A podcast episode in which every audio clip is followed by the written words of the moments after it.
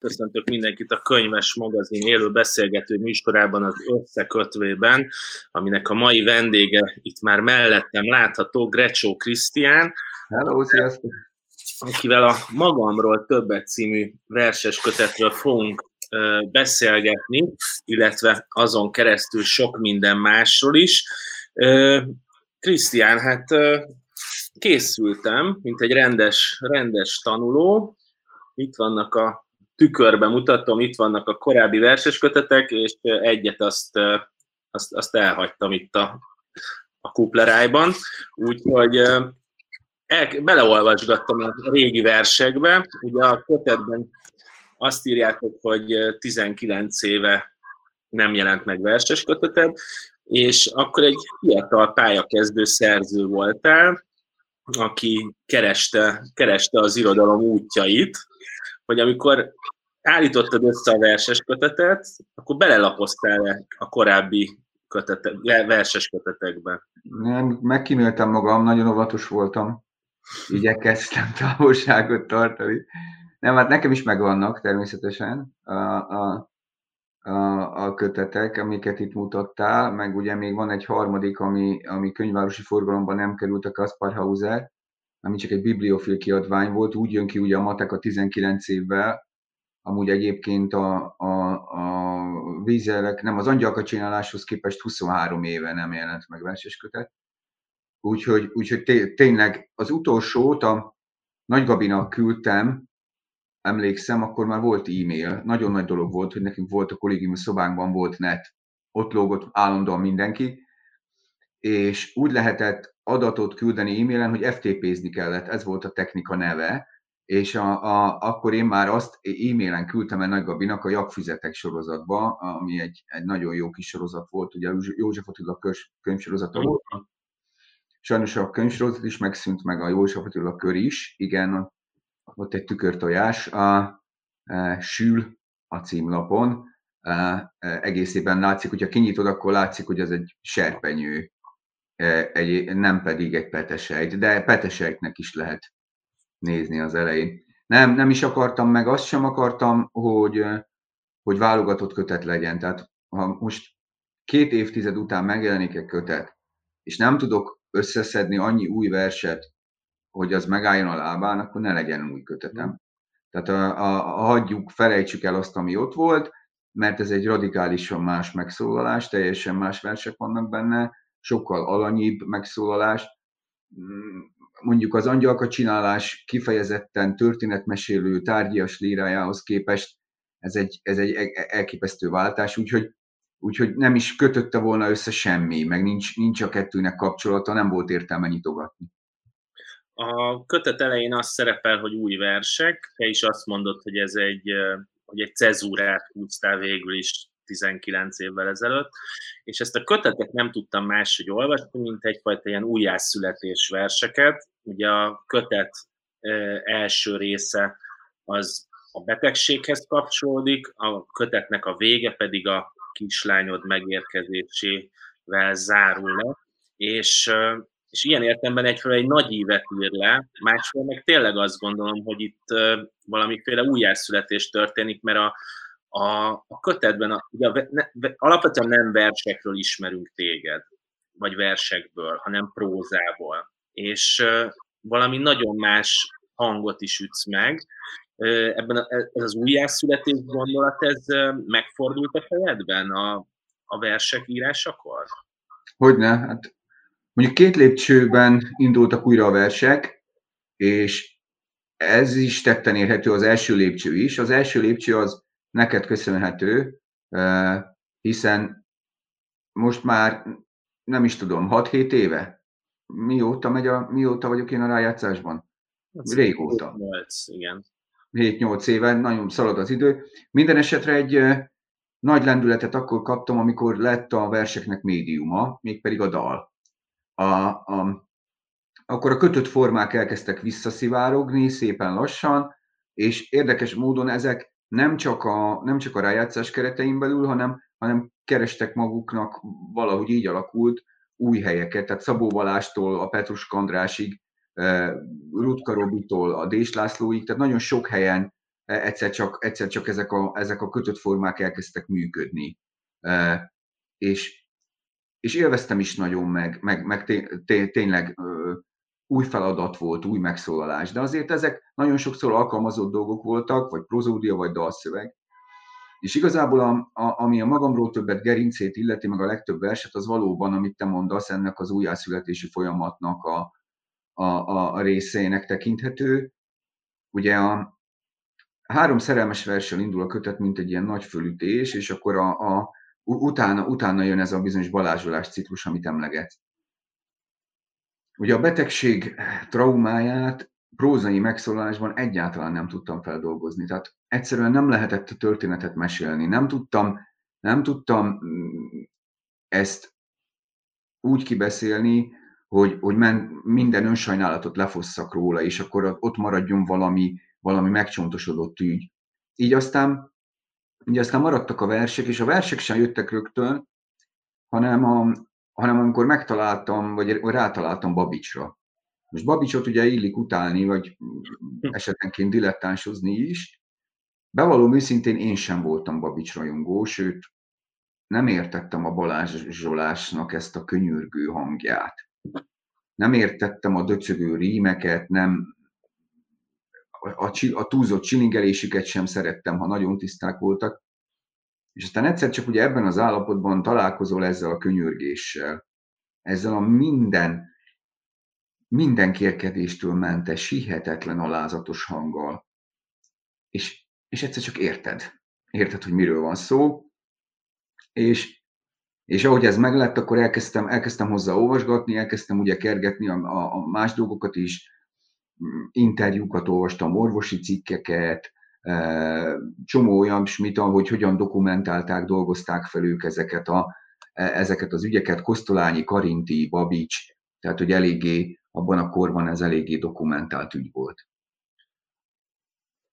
Az utána olvasásnak mennyire volt abban szerepe, hogy keresed a megszólalást, és mennyire volt szerepe annak, hogy hogy megértsed azt, hogy mi történik, és itt zárójelet nyitva azért is kérdezem ezt, mert az Eszterházitól egyszer kérdeztem, amikor kiderült a betegsége, hogy, hogy ő hisze az írásnak a terápiás jellegében, és addig elég határozottan mondta azt, hogy nyilván nem, és amikor a hatnyelmiri naplót írt, akkor azt mondta, hogy, hogy azért van szerepe annak, hogy ő írásban fel tudja dolgozni azt, ami vele történik.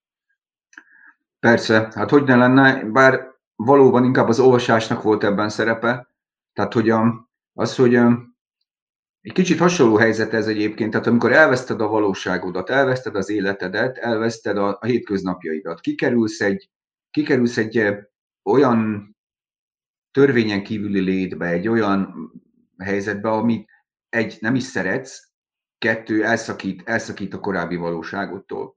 Na most ugye azzal a különbséggel, hogy itt most mindenki kikerült, tehát itt most ugye a, a közös valóságunk is megszűnt, reméljük, hogy minél rövidebb ideig, vagy csak átmenetileg. Ott ugye az a helyzet, hogy a, a valóság tökéletesen működve nélküled, te egy abszurdba kerülsz. Na most azt az abszurdot kell valahogy megérteni, hogy az hogy működik, és mi működik benne. És akkor ezek a kutatások, vagy ezek a, ezek a cikkek egyszer csak azon kaptam magam, hogy a osztalógiai közlemények című szaklapot olvasom. Tehát, hogy érted, az, az egy nem, hát nem akarom bántani a szerkesztőket, meg érted, nagyon fontos cikkek vannak benne, de hát nem én vagyok a célközönség eredendően.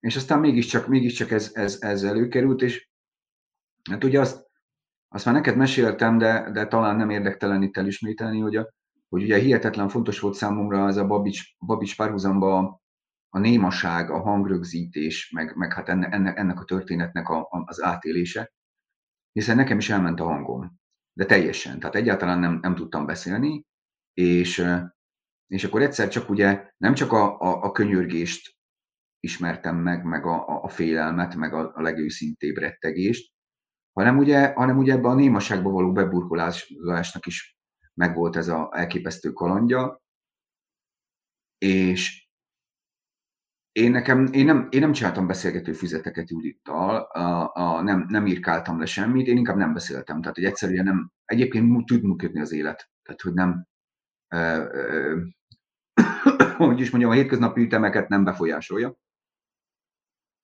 És, és ebben a némaságban azért elkezdtem kutatni, és a, a Babics némaságán túl ugye volt egy nagyon érdekes dolog, hogy a, a hangja is megmaradt. Ő az egyik első költőnk, akinek a hangját rögzítették, még az esti kérdés egészben megvan, a érdekel benneteket a YouTube-on meg lehet hallgatni. Nem állítom, hogy élvezetes, kortörténeti szempontból izgalmas. És, és akkor jött, jött ez, a, jött ez, a, jött ez a, a, a cikk, amit egy Gyenes György nevű professzor írt, aki, a, aki elkezdett kutatni Babics után. Legfőképpen az érdekelt, hogy mi baja volt orvostörténeti szempontból, konkrétan mi baja. Tehát, hogy azt, azt oké, okay, hogy, ez, hogy ez így megvan, és akkor ugye elkezdett nyomozni a betegsége után. Tehát megvan Babicsnak a hangja, megvan a némasága, a némaság tanúsága, és kiderült, hogy a betegség is megmaradt, mert Babicsnak Stockholmban, ahol kezelték, megőrizték a, a mintáit. Oh. Uh, és, és 1981-ben 37-hez képest 50 évvel később megvizsgálták újra. És akkor onnan lehet tudni a svédektől, hogy Babicsnak mi baja volt, és hogyan. Tehát, hogy meg, tehát a, a, a, gazdátlanul megmaradt a betegség is. Tehát, hogy ez valami egészen démoni, démoni hármasság volt szokó számomra, és akkor, akkor már végképp, végképp ez, ez adta a nyelvet, a lendületet, meg a kapcsolódási pontot, hogy én tudjak erről beszélni. De, de egyébként mondjuk Pilinszki hasonlóan fontos volt, vagy enne, ennek az elmondásában, tehát hogy valahogy őket találtam meg leginkább. A, én ezt felírtam magamnak a olvasás közben, hogy a, hogy a versek ezt a, a hang elvesztését, ezt egy, a, betegséghez kapcsolva jelenítik meg, de valójában egy ilyen másik rétegben az is megjelenik, hogy Grecsó Krisztián író is keresi a megszólalásnak a hangját, tehát hogyha nem lehetne se egyfelől gondolom, hogy a líra mást követel meg, meg ez az új élethelyzet is más követel meg, és hogy bizonyos értelemben íróként is meg kell találnod újra a hangodat. Ez érvényes állítás lehet? Lehetséges, és keresem is, most egy, egyenlőre kis, kis prózákban keresem, de de nem tudom, hogy tehát lehet, hogy valami megújul majd, de azért radik, ott, ott nem lesz ilyen radikális változás, mint itt, ahol teljesen újra kellett talán megtalálnom a hangomat. Tehát, hogy hiszen elfelejtettem költőnek lenni, vagy hogy mondjam. Tehát az, az a nyelv, amit ott hagytam akkor, az nem csak azért nem érvényes, mert most már nem érdekel egyfajta tárgyas megszólalás, hanem mert azt a hang, az a hang kikopott belőlem. És ugye itt most ki kellett találni egy újat. A prózai esetében azért ez nincs így, annak ellenére, hogy azt gondolom, hogy a, hogy mondjuk ami az Indexen van sorozatom, az, az azért egy egészen másfajta próza, mint amit eddig írtam. Uh, ugye ott az ez a pillangószárny effektus, az a ciklus címe, és vagy széttartó, vagy egymást keresztező történeteken keresztül próbálom meg, próbálom meg megmutatni, hogy, hogy, hogy a sorsok szövedéke az, az, az hogy, hogy néha milyen párhuzamos, néha mennyire, mennyire mennyire nem befolyásolja egymást, máskor meg mennyi, mi, mi mindentől függhet. De, de nem tudom, hogy ez hozzá egy globális, globális megújulást. Hát én nem bánnám, mert ugye az nagyon menő lenne, ha most valami nagyon hirtelen valami nagyon mást is tudnék. A versenykötet azért alapvetően nem csak a betegségről szól, bár most eddig erről beszéltünk, hanem nagyon sok minden másról is és ebben az volt az érdekes, hogy aki a prózáidat követi már hosszú évek óta, az kialakulhatott egy világ, amiben te mozogsz. Most itt említhetjük Justi Mamát, aki szintén megjelenik a versekben, említhetjük a vidéket, és említhetünk egy csomó ilyen kapcsolati, családi témát is.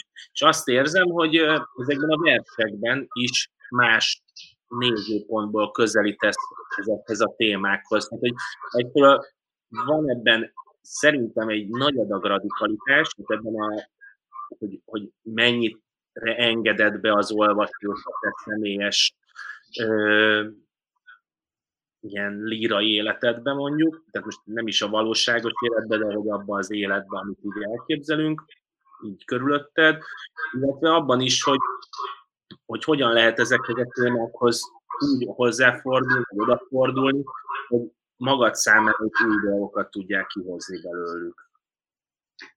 Örülök, ha így látod, mert, mert én, én, én, a radikális szó az nagyon fontos. Tehát, hogy, hogy én azt gondoltam, hogy, hogy itt, itt most olyan, olyan tétekről akarok beszélni, ahol egyszerűen nem lehet, tehát nem, nem, nem, nem, nem lehet semmiféle állarc, semmiféle eh, alakoskodás. Itt, itt olyan mélyre akarok fúrni, és egyszerűen a, a, olyan módon ki akarom magam nyitni, magam számára is, meg megérteni, hogy nincs értelme nem radikálisan őszintének lenni. És ugye ehhez kellett hangot találni, meg ez, ez, ez, ez, ez kezdett el működni a versekbe, legyen, legyenek az tényleg egyébként most tényleg mondjuk akkor szerelmes versek is, tehát hogy az, hogy az, az is működjön, a, működjön bennük akár a, a, a félelem, a féltés, a, abban is működhet az, hogy, hogy ez milyen véges, hogy, hogy milyen rövid már ez a távlat, hogy, hogy milyen, milyen kevés idő van szeretni, meg hát nagyon sok minden, mindent végig lehet venni, és közben ugyanezt próbáltam az örömmel is megélni. Tehát, hogy, a, hogy mondjuk a, a magyar lírai hagyományban a, az öröm elmesélésének, a boldogságnak nagyon kevés szerepe van, meg nagyon kevés hang van, ahol ugye, hogy ezt, hogy ezt egyáltalán meg tud fogni. És, és nekem, nekem az segített most ebben, hogy rögtön ott akkor oda a témához, ha szabad ezt ilyen nagyon vizuálisan mondani. Vagyis nem, nem a szokásos módszerrel csináltam, hogy hagytam egy picit eltávolodni és kihűlni a dolgot, mint ilyen kosztolány is megfontolásokból, hogy az élmény, ha túl forró, én akkor az a dilettánsok módszertan, ahogy rögtön a érzésből, hanem ugye agyból kell.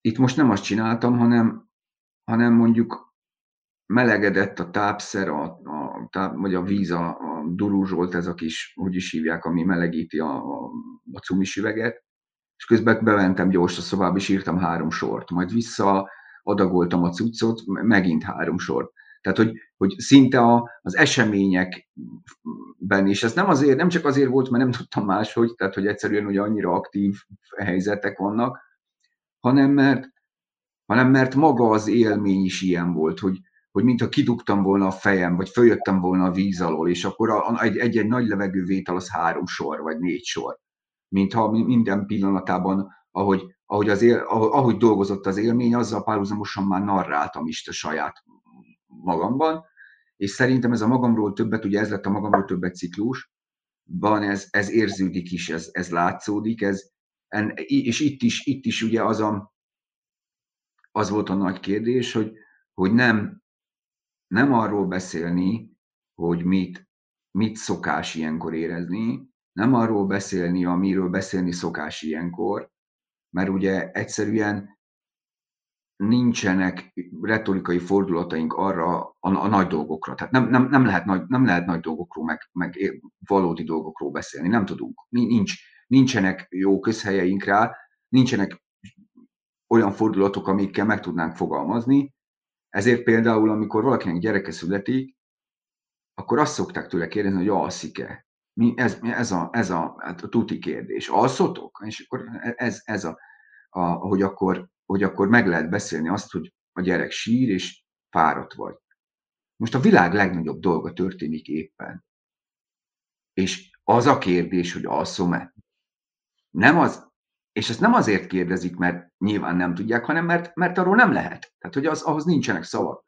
És akkor ezt próbáltam, hogy de akkor, akkor próbáljuk meg egyszerre elemelni, és egyszerre nagyon, nagyon konkrét egyszerűségében mesztelenül megfogalmazva az egészet, mégiscsak azt, hogy, hogy na de hát könyörgöm, az egész világ, az egész világ viszonyrendszere megváltozik. Minden körülötted, és nem csak a, azzal, hogy, hogy ott van egy két kiló 70 dekás kislány, aki, a, aki a te kislányod, aki, a, tehát nem csak a ti viszonyotokban, hanem a te létezésedben, és a te létezésed a világban, az is másképp gondolsz az egészre, és, és ezt valahogy, valahogy körüljárni, vagy végig gondolni, az nagyon meglepett, hogy ez milyen, számomra legalábbis lehet, hogy én nem, én nem jártam be eléggé a magyar líra terepét, de hogy, hogy milyen kevéssé narrált ügy, és hogy, hogy, hogy hogy miközben a... Nincsenek apaság Hogy mondod? Nincs nagyon apaság vers. Nem, nem nagyon, nem nagyon. Hát természetesen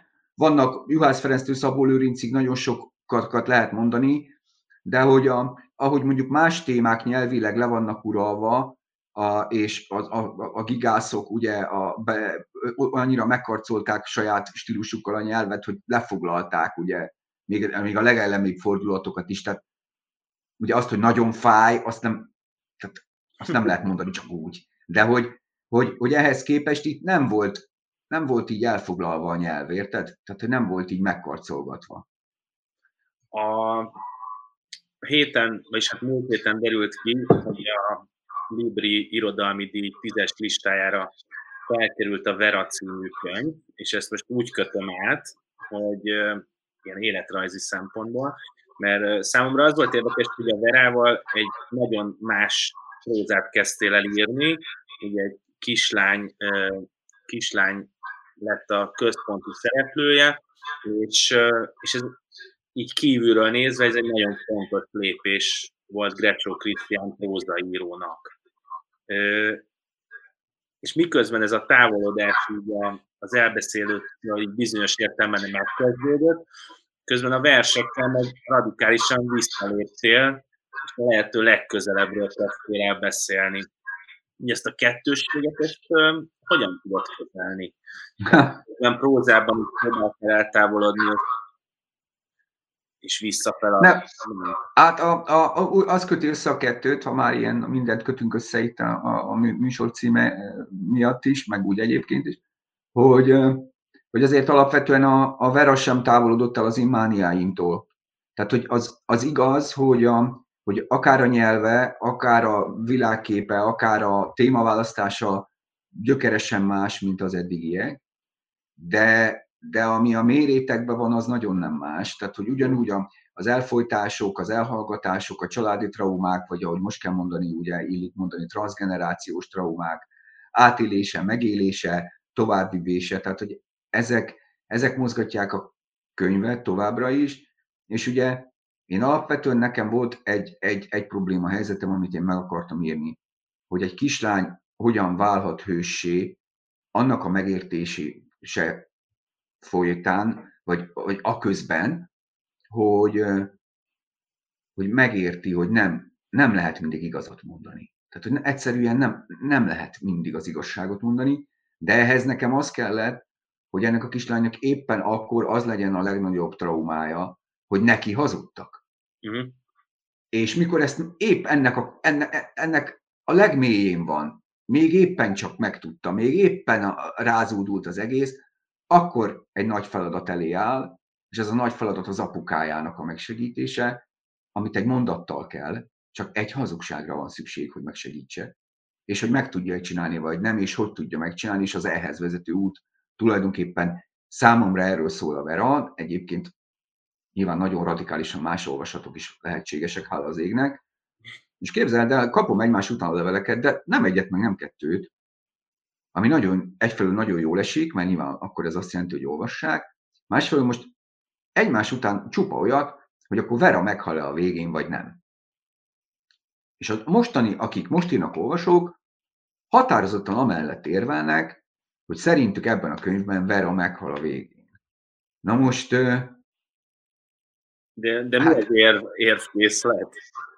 Hát a, a, tehát, hogy, hogy ez, a, ez az álom az álomban helyzetben, ből ő már nem, tehát hogy ő már nem ébred abból föl, és az egy nagy lázálom az egész, tehát hogy egy lázálommal végződik, gondolom én így, így ez a fajta értelmezés van. Én hitem szerint ezt nyitva hagytam ennél sokkal inkább, tehát hitem szerint legalább háromféle értelmezése lehet a végének, és én ezt nem akarom, tehát én nem akarom se kijelölni, vagy valamilyen módon dominálni, hogy akkor utólag narrálva, hogy hogy melyik lehet fontos az olvasónak, meg melyik nem. De, de az, az, hogy, az, hogy így elkezdik felfejteni, az őrült jó érzés. Ugye ez a Vera, ez kapcsolódik egy másik könyvethez is, és egyszer kérdeztelek róla, amikor a Veráról beszéltünk, hogy ebből a történetszából végül egy ilyen önálló kis univerzumot is lehet építeni, hogy van ilyen akár a visszajelzések miatt, akár amiatt, hogy te mit gondolsz a Veráról, van benned egy ilyen igény, hogy ezt valahogy folytassuk ezt a történetet? Hát őrült, őrült jó lenne valamit, ugye a jelmezbál világából még hozni, és az vagy kapcsolódna a Verához, vagy egyáltalán nem, de, de akkor azon, álmo, azt ám, azon álmodozom, hogy, hogy, hogy esetleg hogy különálló bolygók ugyan, de egy naprendszerben kapcsolódva keringenének a jelmezbál körül, ami egy, ezáltal egy ilyen mm, központi novellás kötet lehetne. Hát jelen pillanatban kisprózákhoz van energiám és lehetőségem, de, de, de nem adom föl. Vannak, van, vannak ötleteim, meg, meg az az igazság, hogy írtam is már egy ilyen 150-200 ezer, tehát egy ilyen, mit tudom én, 5-6 évnyi nem is olyan kevés, tehát próbálkoztam már egy szöveggel, a Ma Budapesten játszódna, egy 40-es pedagógus a főszereplő, de hát majd, majd, majd látjuk, hogy abból lesz-e könyv, vagy nem, vagy az egy, vagy az egy új gyakorlat volt, hát majd, majd kiderül. Most megcsinálnám ezt a novellás kötetet, és meg, meg közben vannak ugye a gyerekversek, de ne menjünk el a Vera mellett úgy, hogy nem kérjük az olvasókat, szavazzanak a Verára, Közönségszavazás van, gyerekek, ne felejtsetek el a verára szavazni. Március, március 25-én indult el a libri.hu oldalon a közönségszavazás, és ez azt hiszem május elejéig tart, úgyhogy mindenkit arra ösztönzünk, hogy szavazzon bátran.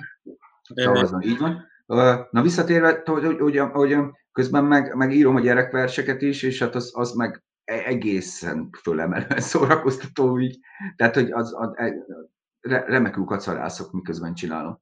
És ez, az, ugye a nyári Krisztiánnál, a múlt héten ezt említetted, akkor mi is felkaptuk rá fejünket, hogy ezt hogy kell elképzelni, hogy először írod meg, és utána mondod el a kislányodnak, vagy elkezdesz mondani valamit, vagy énekelni, és utána írod le.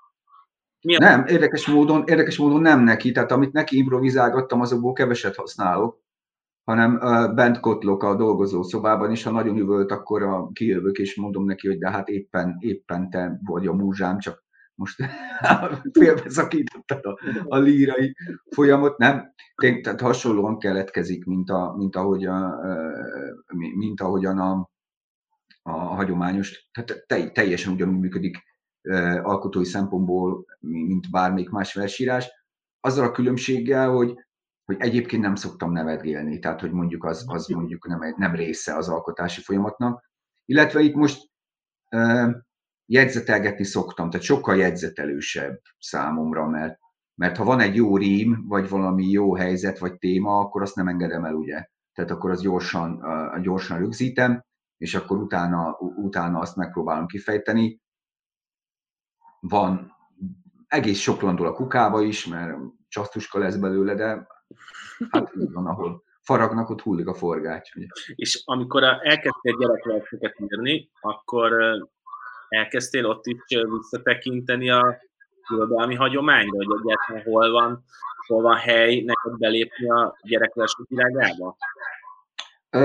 Persze néztem, néztem, és hát a, a, azért alapvetően a kortárs felől tudok én is közelíteni, tehát tehát az a fajta hétköznapiság és alanyiság érdekel engem is, ami, ami a 90-es évek második felétől a, a gyermekirodalom nagy újra feltámadásától jellemző, Varró Danitól, Tóth Krisztáig, Szabóti Annától, Kisottóig, és még nagyon sokak a, elemilyen egyszerű, hétköznapi, a banalitásokkal, az egyszerűséggel foglalkozó megszólalások, ami, ami hoz egyfajta gyermeki nézőpontot, tehát egy olyan narrációt, ami a gyermek felől közelít. Másfelől meg, amit nagyon szeretek, az ugye nyilván az, hogy amit mondjuk Kis Otto emelt át nagy sikerrel, ugye ezek a úgynevezett svéd típusú gyermekversek, amikor is az irónia, a humor, a felnőtt nézőpont, tehát hogy a, hogy a gyermeknek nem a